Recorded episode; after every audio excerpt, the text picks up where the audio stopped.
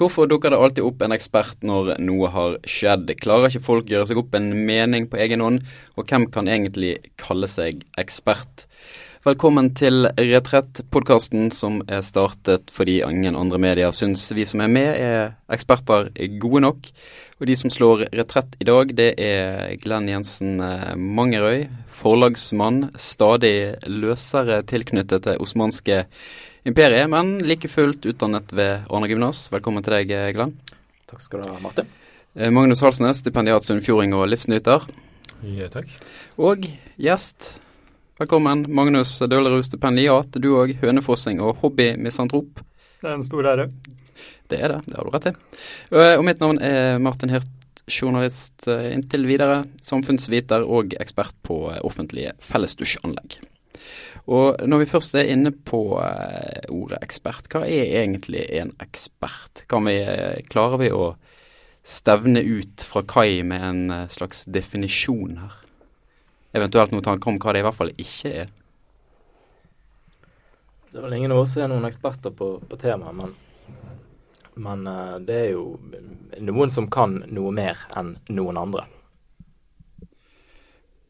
Graderes det? Altså jeg, jeg, kan jo f.eks. sannsynligvis mer om eh, Manchester United enn det du kan, men jeg er jo like fullt ingen ekspert. Du er mer ekspert enn meg. Så det er, det er rett og slett eh, kunnskapsnivået i forhold til de du sammenligner deg med? Er ikke det en ganske vid definisjon?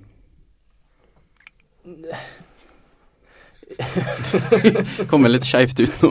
kom litt skeivt ut, men, eh, men, det er jo noe i det. altså, fordi um, Vi snakker jo som regel om eksperter i uh, samfunnssammenheng, mediesammenheng, og da, og da uh, regner vi med at en ekspert kan mer om et tema enn en sitt publikum. Hvis ikke er det jo ikke noe poeng. Da kan jo liksom godt intervjue oss om, om noe. Og, og, og, det er det som er rollen, altså en opplyser? Det kan jo kanskje være en stadfester, for han er ekspert og kan komme med det tilsynelatende nøytrale fakta, i motsetning til andre som bare sitter og synser. Er det en, en vesensforskjell? Altså personen som synser om et eller annet som kan skje, og de som slår fast fakta? Altså er det en Går det an å skille mellom de to rollene? Eh, det kan godt hende det som prøver å spå framtida mot de som egentlig prøver å eh, forklare hva som har skjedd, mot hva som kommer til å skje. Mitt inntrykk er vel på mange måter at en ekspert blir man så fort media kaller deg det. Og at i praksis i media så trenger man kanskje ikke å kunne så veldig mye mer enn andre på, for å være ekspert, men man blir da ved hjelp av den tittelen gitt en slags autoritet til å si det som ofte kanskje er helt åpenbart for de fleste, men at det da slås fast uh, av en uh, uavhengig tredjepart. Så det gjør jobben lettere for journalistene rett og slett å, å finne en ekspert som kan si, si, et eller annet? Ja, samme hvor åpenbart det er, så slipper i hvert fall journalisten å stå inne for å ha påstått det. Det er liksom noen sånn er, er det sånn, Martin? Og så svarer du bare ja tror jo ofte, Man har jo ofte altså Det her kan jo du som journalist gjerne svare på. Da, men jeg har jo ofte inntrykk av at uh, en ekspert fyller et, uh, et rom som er satt på forhånd. Altså han, han, har et mandat. Han skal komme med en uttalelse som passer inn i saken. Altså han, han, han fyller egentlig ut et, et, manus som er skrevet av uh, journalisten på, på forhånd. Jeg vet ikke om jeg er enig i at han nødvendigvis fyller et, Jeg er enig i at han kanskje fyller en plass i saken. Men jeg er usikker på om jeg går med på at han måte, fyller en retning i saken. Altså, hvis jeg tar fra min egen eh, hverdag, så har vi ofte med Og da er det ofte akademikere som kan vurdere om hvorvidt oppfinnelse X virker fornuftig eller ikke. Da man, begynner man gjerne eh, med saken med en ambisjon om man skal ha en ekspert som kan si noe komme med en fornuftig vurdering av om dette er en god idé eller ikke. Men det er ikke dermed gitt at eh, man på forhånd har bestemt seg for at vi, man skal finne en professor som syns det er en god idé, eller en dårlig idé. Men innen altså ekspert Altså den funksjonen eksperten fyller for oss som leser eller lytter eller ser, Og for deg som journalist vil jo være forskjellig, fordi du vil jo få tilført eh, ny kunnskap før du skriver saken fra eksperten, ideelt sett i hvert fall. Og da vil jo det forme det ferdige produktet, og i det ferdige produktet så vil jo eksperten bare på en måte få det sitatet som underbygger den historien du som journalist forteller. Så det er mulig jeg roter meg helt bort her, men, Nei, altså, men det er jo to jeg, forskjellige visjoner. Jeg, jeg, skjønner hva du mener. Altså. Så det fremstår da som at de bare fyller eh, altså tick the box for at den, den faktabiten er verifisert av en ekspert. Og så Sånn jeg tenker rundt bruken av eksperter, så er det eh, no, For jeg, når jeg er utdannet samfunnsviter og skriver om ting som jeg egentlig ikke kan noe som helst om i utgangspunktet, om å lese meg opp og for, forberede meg på ja, forberede seg på forhånd, det var jo det smør på flask sånn rent språklig. Men, men uansett hvor godt jeg forbereder meg, så vil jeg sannsynligvis alltid intervjue folk som kan mer enn meg. Og da blir ekspertrollen en måte å verifisere hvorvidt det første intervjuobjektet har noe å fare med eller ikke, og òg en, en kvalitetssikrer overfor leserne om at dette her er faktisk reelt, at vi har tatt oss bryet med å snakke med en som kan Som regel, altså som regel så snakker man jo med folk som er de ledende i landet, i hvert fall. Enten i kraft av en, av en rolle de har ved et universitet, eller tidligere prestasjoner. Eh, sånn at leserne vet at her har man snakket med en nøytral tredjepart som kan enten gå god for at jo, dette virker spennende, virker lovende, eller kan si at nei, dette vil ikke virke fordi sånn og sånn og sånn og sånn. Eh, så, sånn jeg ser på det, så er det egentlig mer en kvalitetssikrer, både, både overfor meg som journalist, for at ikke jeg skal bli lurt av en uh, Reodor Felgen, men òg at leserne er trygge på at her har man snakket med andre dyktige folk på feltet som kan gi en tommel opp eller, ja, eller nei, Men nå, nå, skriver jo jeg veldig mye om ja. altså, teknologi, som kanskje er et helt annet fagfelt enn politikk. Eh, eller andre former for vitenskap som dere har mer erfaring med fra, fra dagen. Magnus Halsnes. Det er vel òg en måte å verifisere, altså sånn at leseren faktisk vet hvor du har informasjon ifra. slik at uh, Hvis du leser det, og så er det bare de stemmer, så er det av og til litt vanskelig å vite Når en kommer med faktapåstander, så er det litt vanskelig å vite helt hvor, hvor har du dine faktapåstanden ifra. Ja da, det er jo også, og da er det av og til greit at å ja, han, har, han eller hun snakker med, med vedkommende, og da, da har du noe som veier det opp mot, iallfall. Men, men, det er jo noe med det her ekspertstempelet som, som er litt sånn Ja, gir meg litt sånn uh, fæl smak i munnen. Altså at man med en gang det stempelet settes på noen, så er det opphøyd til fakta. På en måte. Altså, du, da kan Reodor Felgen komme med en påstand, og så blir dette faktasjekket mot denne eksperten. Men men uh, er det alltid sånn at uh, eksperter sitter med, med, fasit? Nei, det tror ikke det, men spørsmålet er hva alternativet er. det, spørs jo veldig, det spørs jo veldig hva slags felt man er innenfor. og Det sier seg jo selv at uh, når du skriver om vindparker, så er det lettere å få et noenlunde bastant og sikkert svar av en fysiker enn det er av en eh, samfunnsviter hvis eh, spørsmålet er eh, kjønnsroller. Altså, der finnes det ingen svar med to streker under svaret.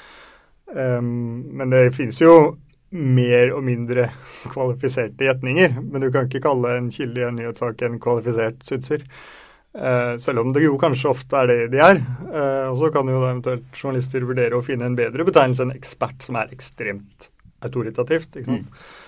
Og heller da finne en, en god måte å si kvalifisert synser på. Et nyord. Veldig kyndig. Kyndig, ja.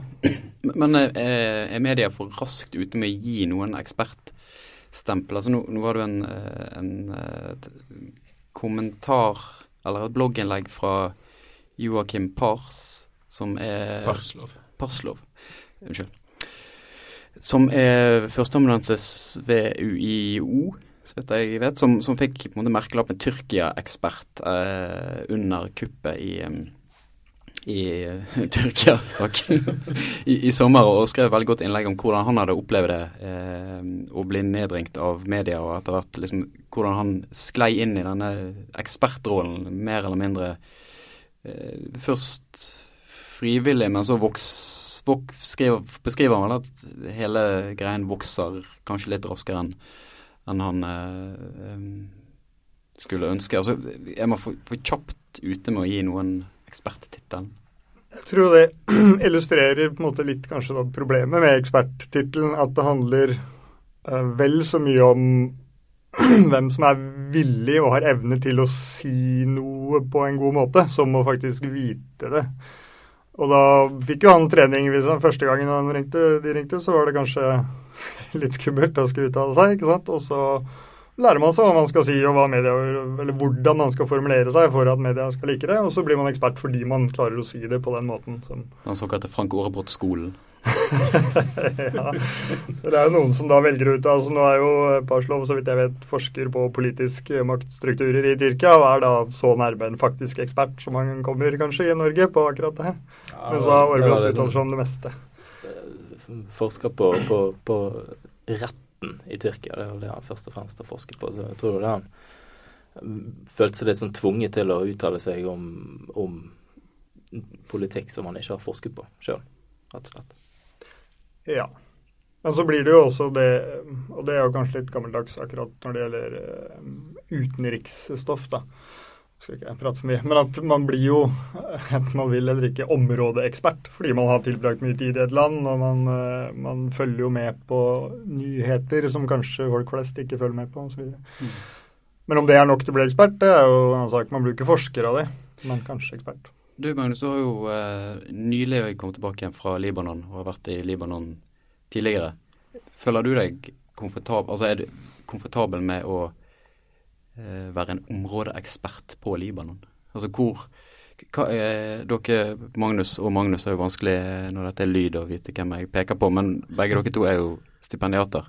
Hva er Hvilke områder er dere komfortable med å uttale dere om hvis jeg hadde ringt og den, Magnus, jeg vet du har bodd i Libanon og nettopp gått av en bombe i Beirut.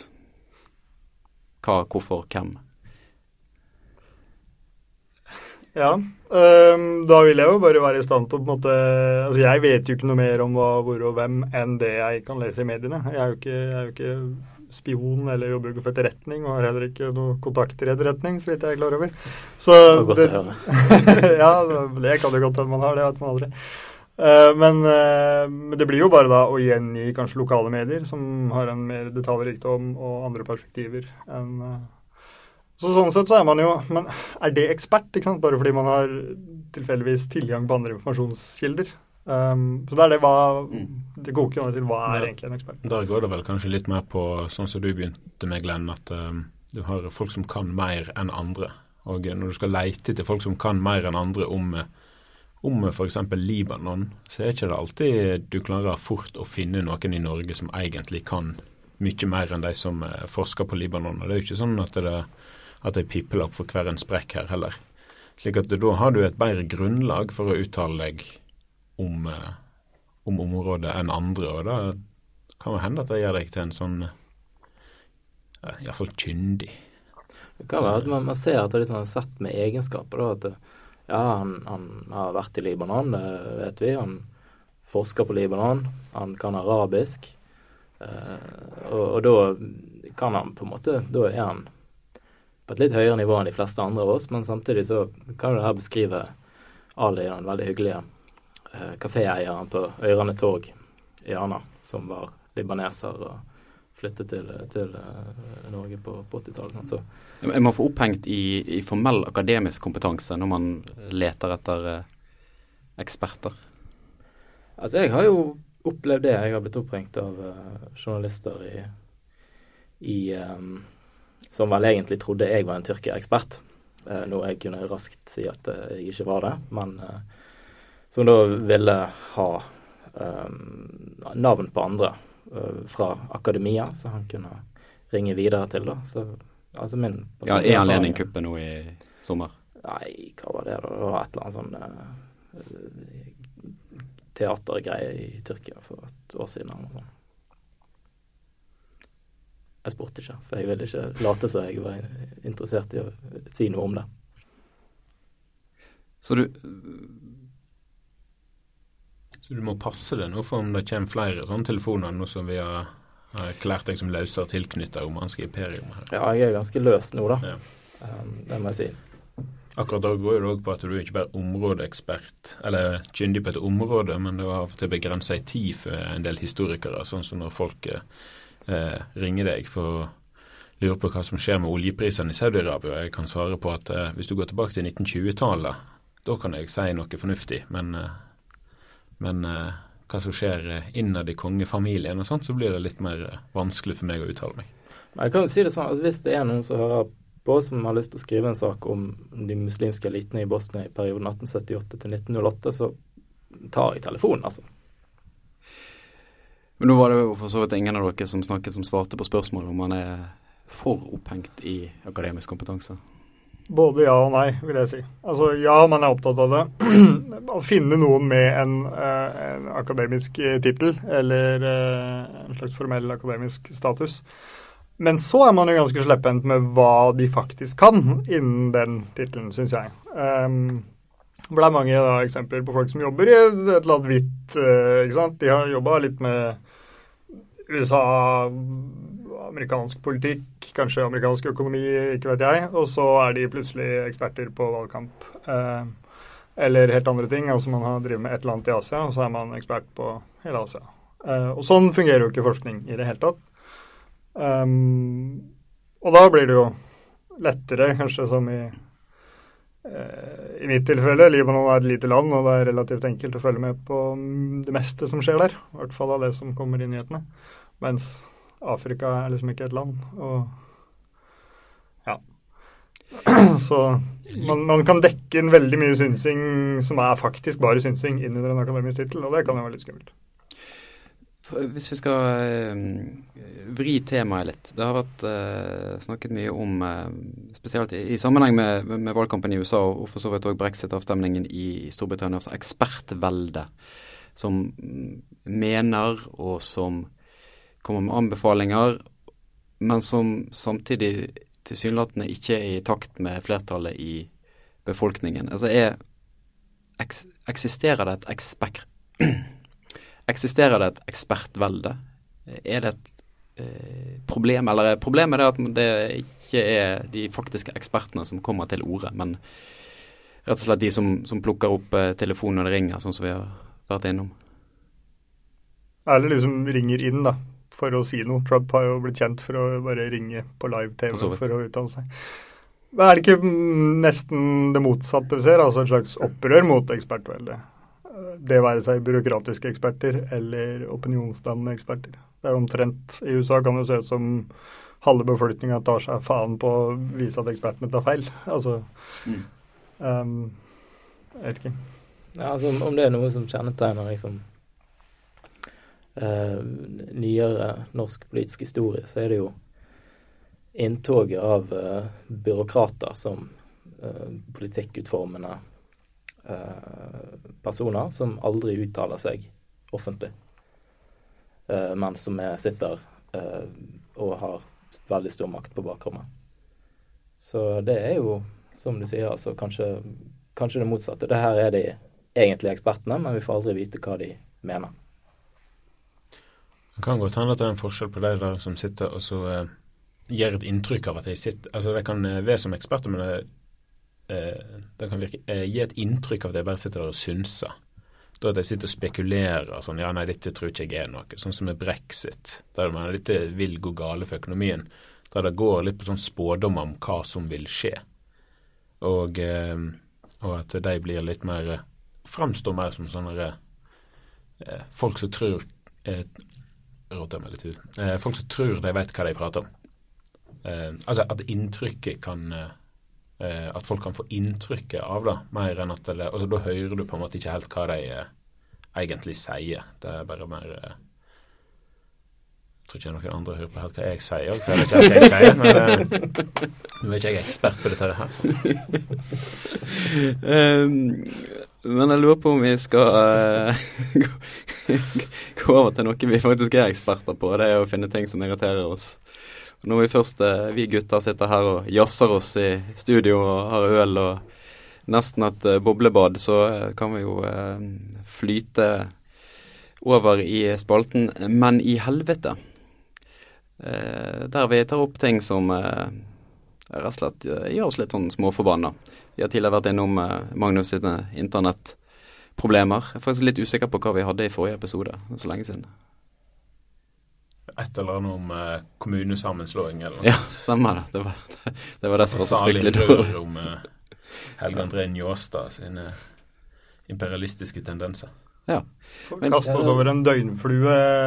Før, før, han har gått over. Magnus, uh, hva, hvilken gjeng er det vi skal innom? Mannegruppa Ottar. Seriøst. Men i helvete. Men i helvete. Hva er det? Hva er greia? Det er, fordi Hvis det er noen som fremdeles ikke har fått det med seg. Det er jo godt mulig. Forhåpentligvis så har jo eh, hele mannegruppen eh, blåst over ende innen dette kommer på luften. Men det er altså da en Facebook-gruppe som hadde et par og 30 000 medlemmer. Kun 38. menn. Eh, nå sist vi sjekket for å se om vi hadde noen venner som fremdeles var med der. Så hadde du hadde åtte, du, Martin. Jeg, jeg, hadde åtte, men jeg fikk ikke gått inn og sjekket hvor mange jeg hadde nå. Jeg håper det tallet har gått litt ned så er det vel nede på 5-76. Jeg håpte du egentlig skulle begynne å ramse opp hvem de var. nå. jeg hadde forventet det. Ja. Det, det, skal jeg ikke. De skal få sjansen til å melde seg ut. De skal få sjansen til å melde seg ut. Eh, hvis de ikke melder seg ut innen neste retrettepisode, som er jo et ganske sånn løf, løselig tidsspenn, eh, så får vi heller komme tilbake igjen til det. Jeg vet i hvert fall en av de har tilgang på våpen, så det er jo, det er jo lurt å trå litt forsiktig her. Uh, men i hvert fall en uh, Facebook-gruppe som legger ut uh, det de ifølge seg, seg sjøl påstår er røff mannehumor, men som vel egentlig er helt rablende sinnssykt. Ja, Sjikane og oppfordringer til voldtekt og masse snacks. Ja. sånn som ikke er greit etter de aller fleste standarder. Og hvis du nå føler at du er nysgjerrig og har lyst til å gå inn og, og melde deg inn og lese disse tingene, så det ikke gjør det. Tok vi det til ganske rolig, da. Det går flott an å si at det er noe helvetes idioti. Ja, ja det, det, det, kan vi gjøre. Uh, den litt mer sånn lystige faste spalten, helt OK. Der Jeg foreslo egentlig før sending at vi bare skulle drite opp igjen, for jeg klarer aldri å komme på noe som er helt OK. Uh, men så ble vi enige om at uh, vi vel alle er litt sånn lettet over at det begynner å nærme seg slutten på den amerikanske valgkampen, sånn at det går an å høre om andre ting i media. Eller var det Jeg er litt usikker på om han eh, egentlig går over, for han begynner jo tidligere år for år. Så han begynner jo kanskje en måned etterpå valget. Ja, du mener at nå er valget 8.11, fant vi ut at allerede 8.12. så begynner valgkampen for 2020? Ja, Eller kanskje ikke det bytter presidenten, så begynner det med neste valg. Det går jo denne valgkampen her har vel vart i 18-19 måneder eller noe sånt? Hvem veit. Eh, men ja, eh, To det, forskjellige ting da med nominasjonsvalg og primærvalg, men eh, ja. Sånn, ja, det er helt OK, men det er samtidig med litt sånn Litt frykt. Hjelp. Ja. Og så eh, skal vi faktisk avslutte med et punkt. Eh, vi skal tilbake igjen til eksperttemaet. Jeg har ikke lest manus godt nok. For vi, eh, vi, snakket, eh, vi snakket, mye om media og ekspertvelde og eh, kanskje en sånn ikke en negativ undertone, men en litt sånn skeptisk tilnærming til temaet. Men vi skal ikke stikke under en stol at det er faktisk veldig mange som er kjempeflinke, som er, har enorm fagkompetanse og er flink til å formidle den. Så jeg tenkte vi skulle ta en runde på hvem som er favoritteksperter. I og med at Glenn var den som minnet meg på det, så går jeg ut ifra at du òg har klart å komme på en. Ja, det var mer sånn vennlig gest.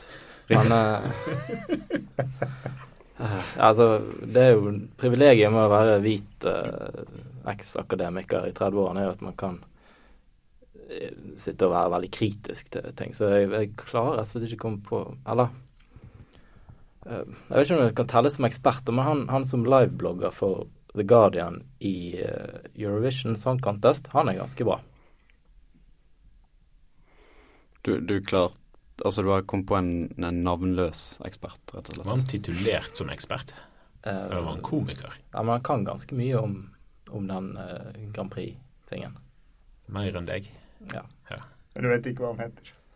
Det er ikke Graham Norton? Nei, det er ikke Graham Norton. Ja, han for han kommenterer det, sant? Ja, han kommenterer for uh, ITV eller hva som sender. Ja, men eh, søk dere tilbake igjen i The Guardian sitt eh, rikholdige arkiv og finn MGP eh, live-bloggen fra mai 2016. Og 15 og 14 og 13. Jeg tror 13 var ganske bra, faktisk. Riktig. Du er litt av en ekspert på dette her, du. Ja, jeg er jo småunger, så jeg sitter jo bare hjemme, vet du. Eh, Magnus, har du eh, Du skal få lov å nevne din kone hvis du vil. Ja, nei, det, det blir jo Det gidder jeg ikke. Det får noen andre gjøre. Men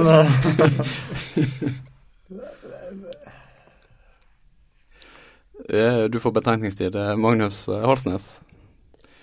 Jeg kunne jo òg ha nevnt hans kone, men jeg tenkte jeg skulle heller, heller ta og nevne Jeg er veldig glad i alle ekspertene på 5080 Nyhetskanalen. Det,